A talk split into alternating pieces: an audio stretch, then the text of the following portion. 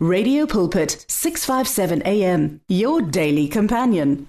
Lochani balaleli emakhaya eh nilochiswa ngumfundisi uMahlangu nginilochisa ngisuka emhathweni omkhulu iRadio Pulpit ePretoria eh sisehlelweni ikonzo eh bazalwane ngiyabawa ke ukuthi eh ngiloyo naloyo akalise akwenzako size bazalwane sizolalela ikonzo emhathweni iRadio Pulpit umnganakho wamalanga wonke eh bazalwane sikhuluma ngesihloko namhlanje esithi eh engaging the enemy in spiritual warfare ukulwa nesitha noma nosathane bazalwane epini kamoya.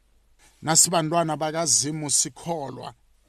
Bazalwane kufanele sikhone ukuthi sibe nezinto ezisinikela igunya noma izinto ezisenza ukuthi kuthiwe siyaqualifya ukuthi singalwa iziphi zikamoya. Akusingubani nobani ekufanele angene alwe iziphi zikamoya.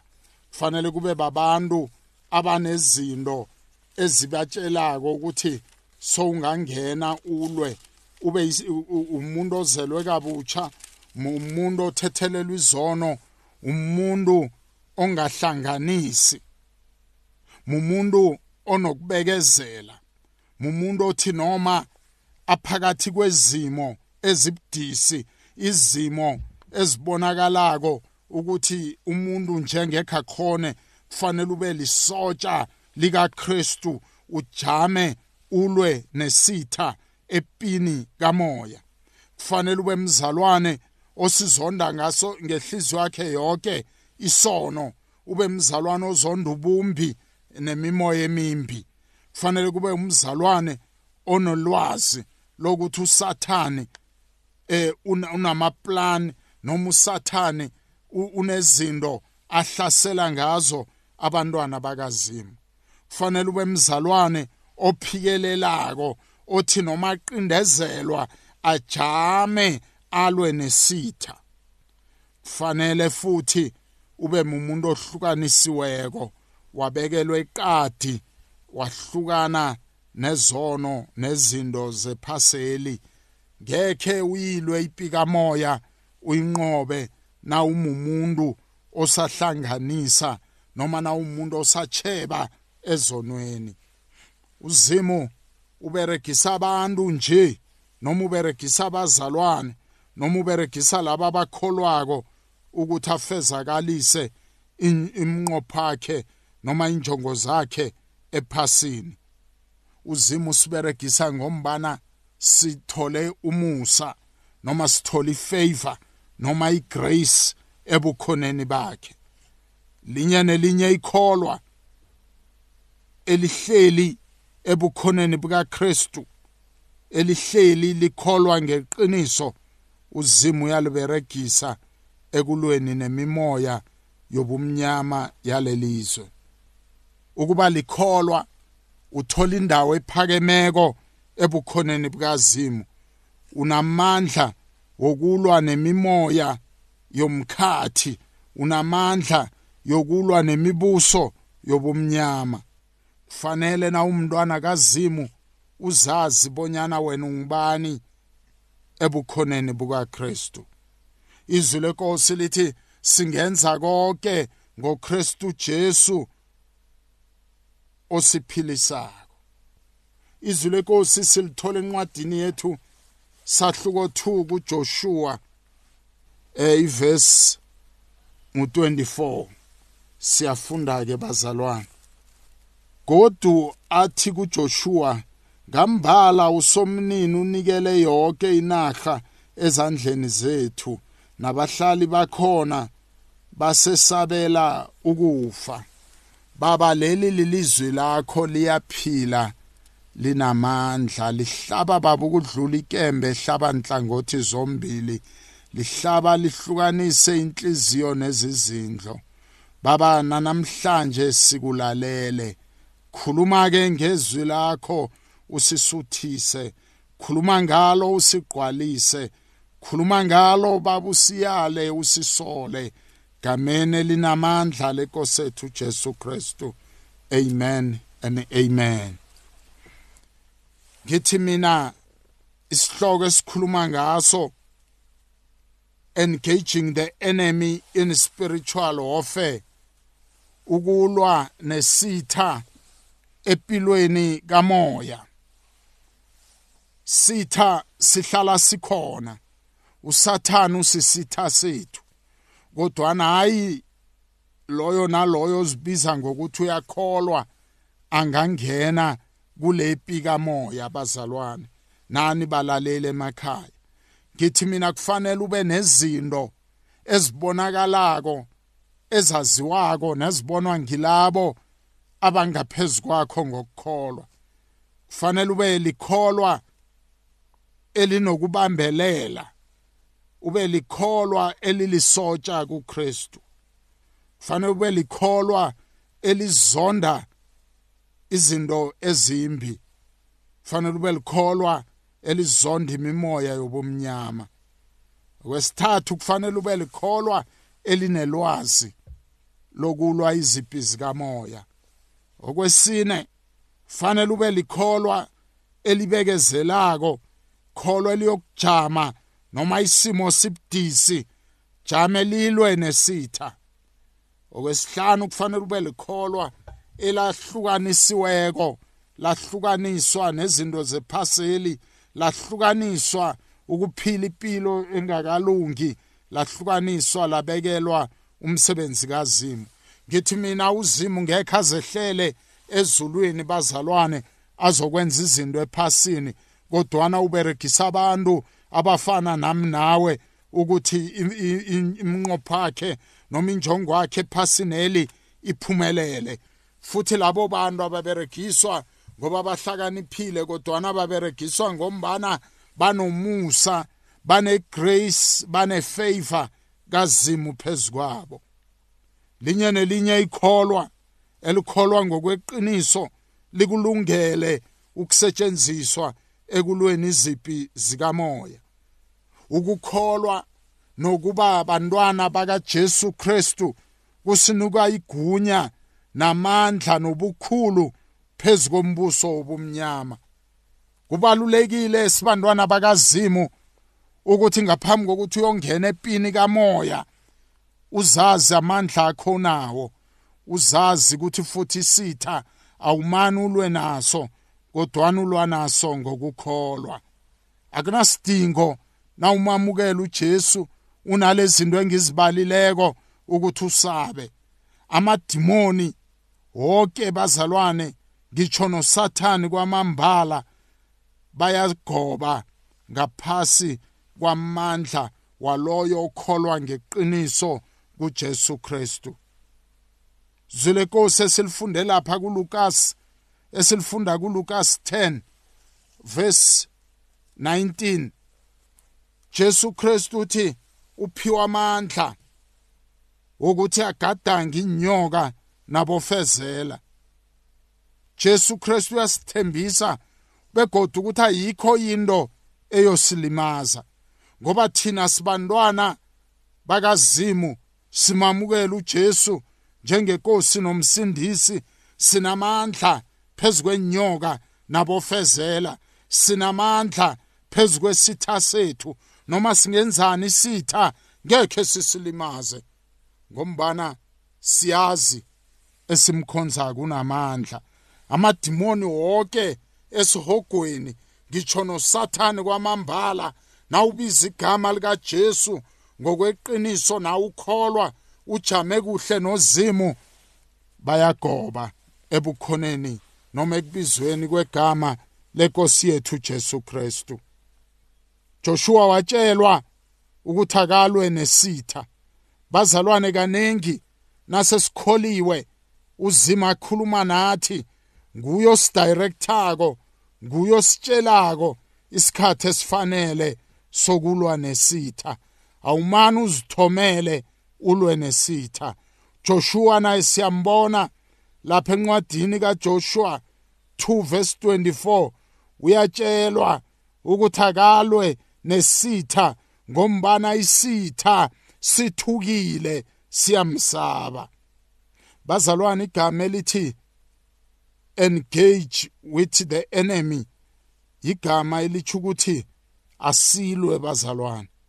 Igama elithi ukuthi letha amasotsha siyokuhlasela. Igama elithi bazalwane singasabi asiyene empini siyokulwa.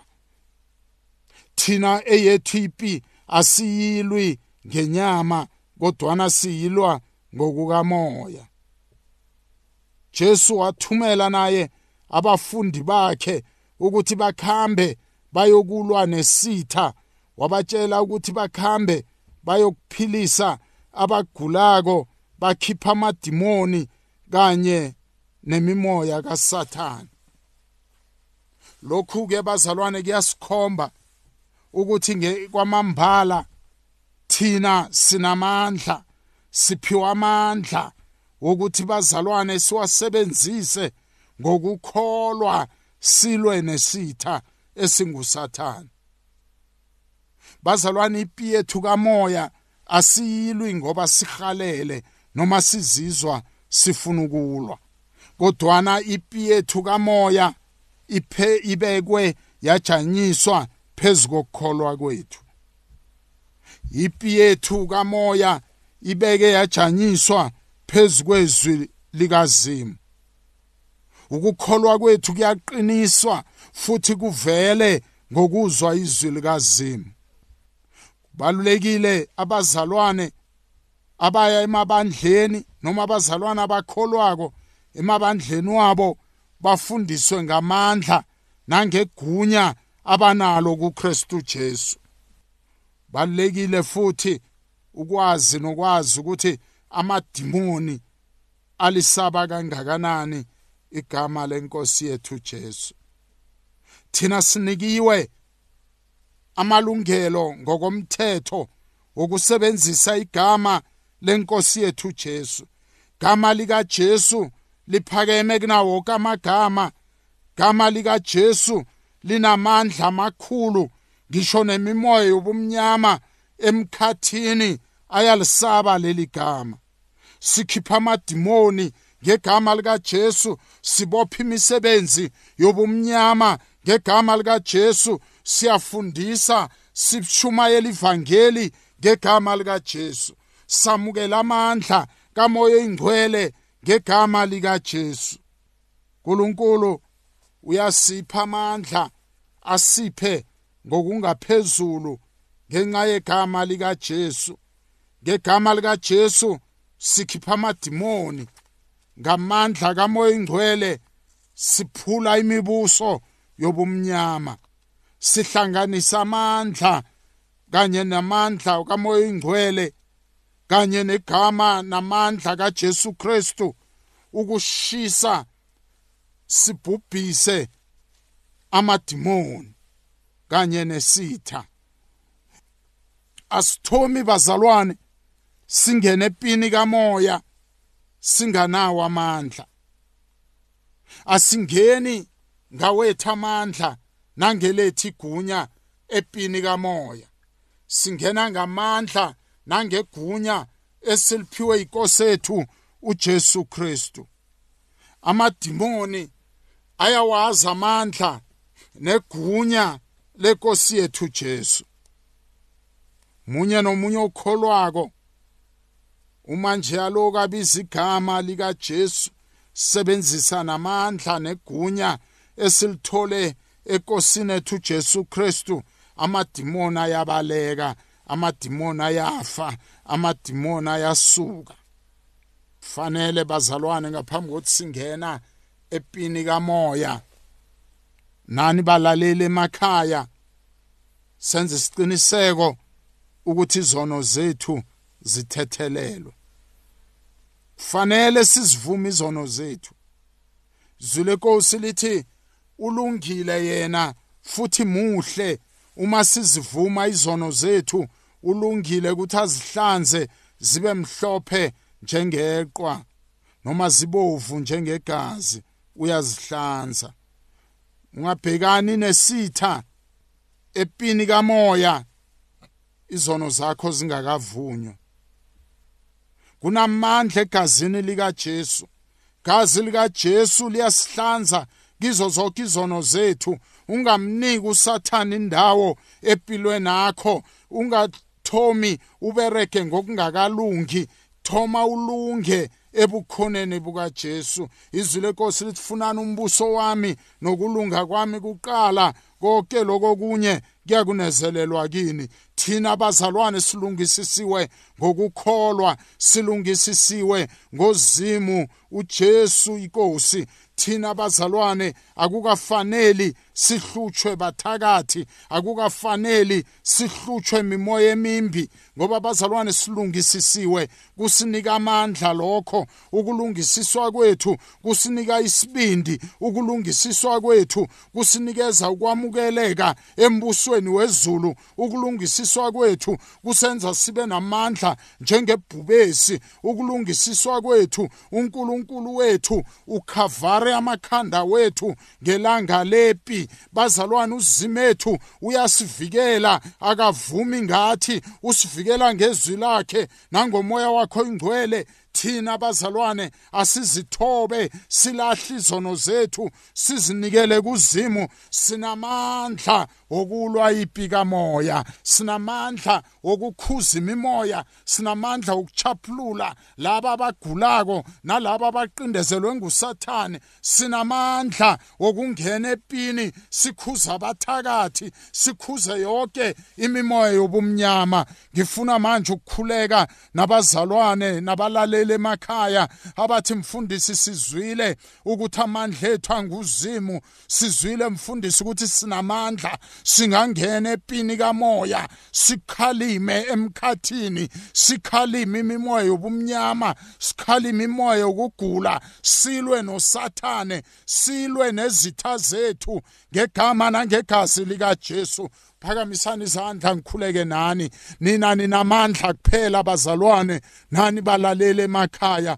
Uma niyovuma izono zenu uma niyojama kahle noNkulunkulu uma niyofuna ukulunga kwakhe uma niyoshiya izono zenu bese nithola amandla negunya elivela kuye kumoya ingcwele simelane nosathane nezitha zethu babegameni elinamandla lenkosi yethu Jesu. Sibonga ukwazi ukuthi wena baba unguzimu umamandla ethu ngaphandle kwakho baba akukho esingazenzela khona. Umamandla ethu ukuthi silwe nosathane. Umamandla ethu wokunqoba izitha. Umamandla ethu wokunqoba amadimoni. Umamandla ethu wokunqoba abathakathi. Umamandla ethu wokuhlulekisa yonke imimoya esihlaselako ngegama nangegazi likaJesu. Baba sibopha yonke imimoya ehlupha abazalwane emakhaya. Ekhaya ehlupha abalaleli ngiyayiphula ngiyayiqitha ngamandla nangegunya engilinikwe nguwe baba egameni elinamandla lenkosi yethu Jesu. Amen and amen. Hallelujah. Nani mfuna umfundisi bazalwane mfoneleni kule nomboro ethi 072 987 3673 amen. The words of the Lord are words of life. Your heart is on 657 AM. 657 AM. Radio for believers in action.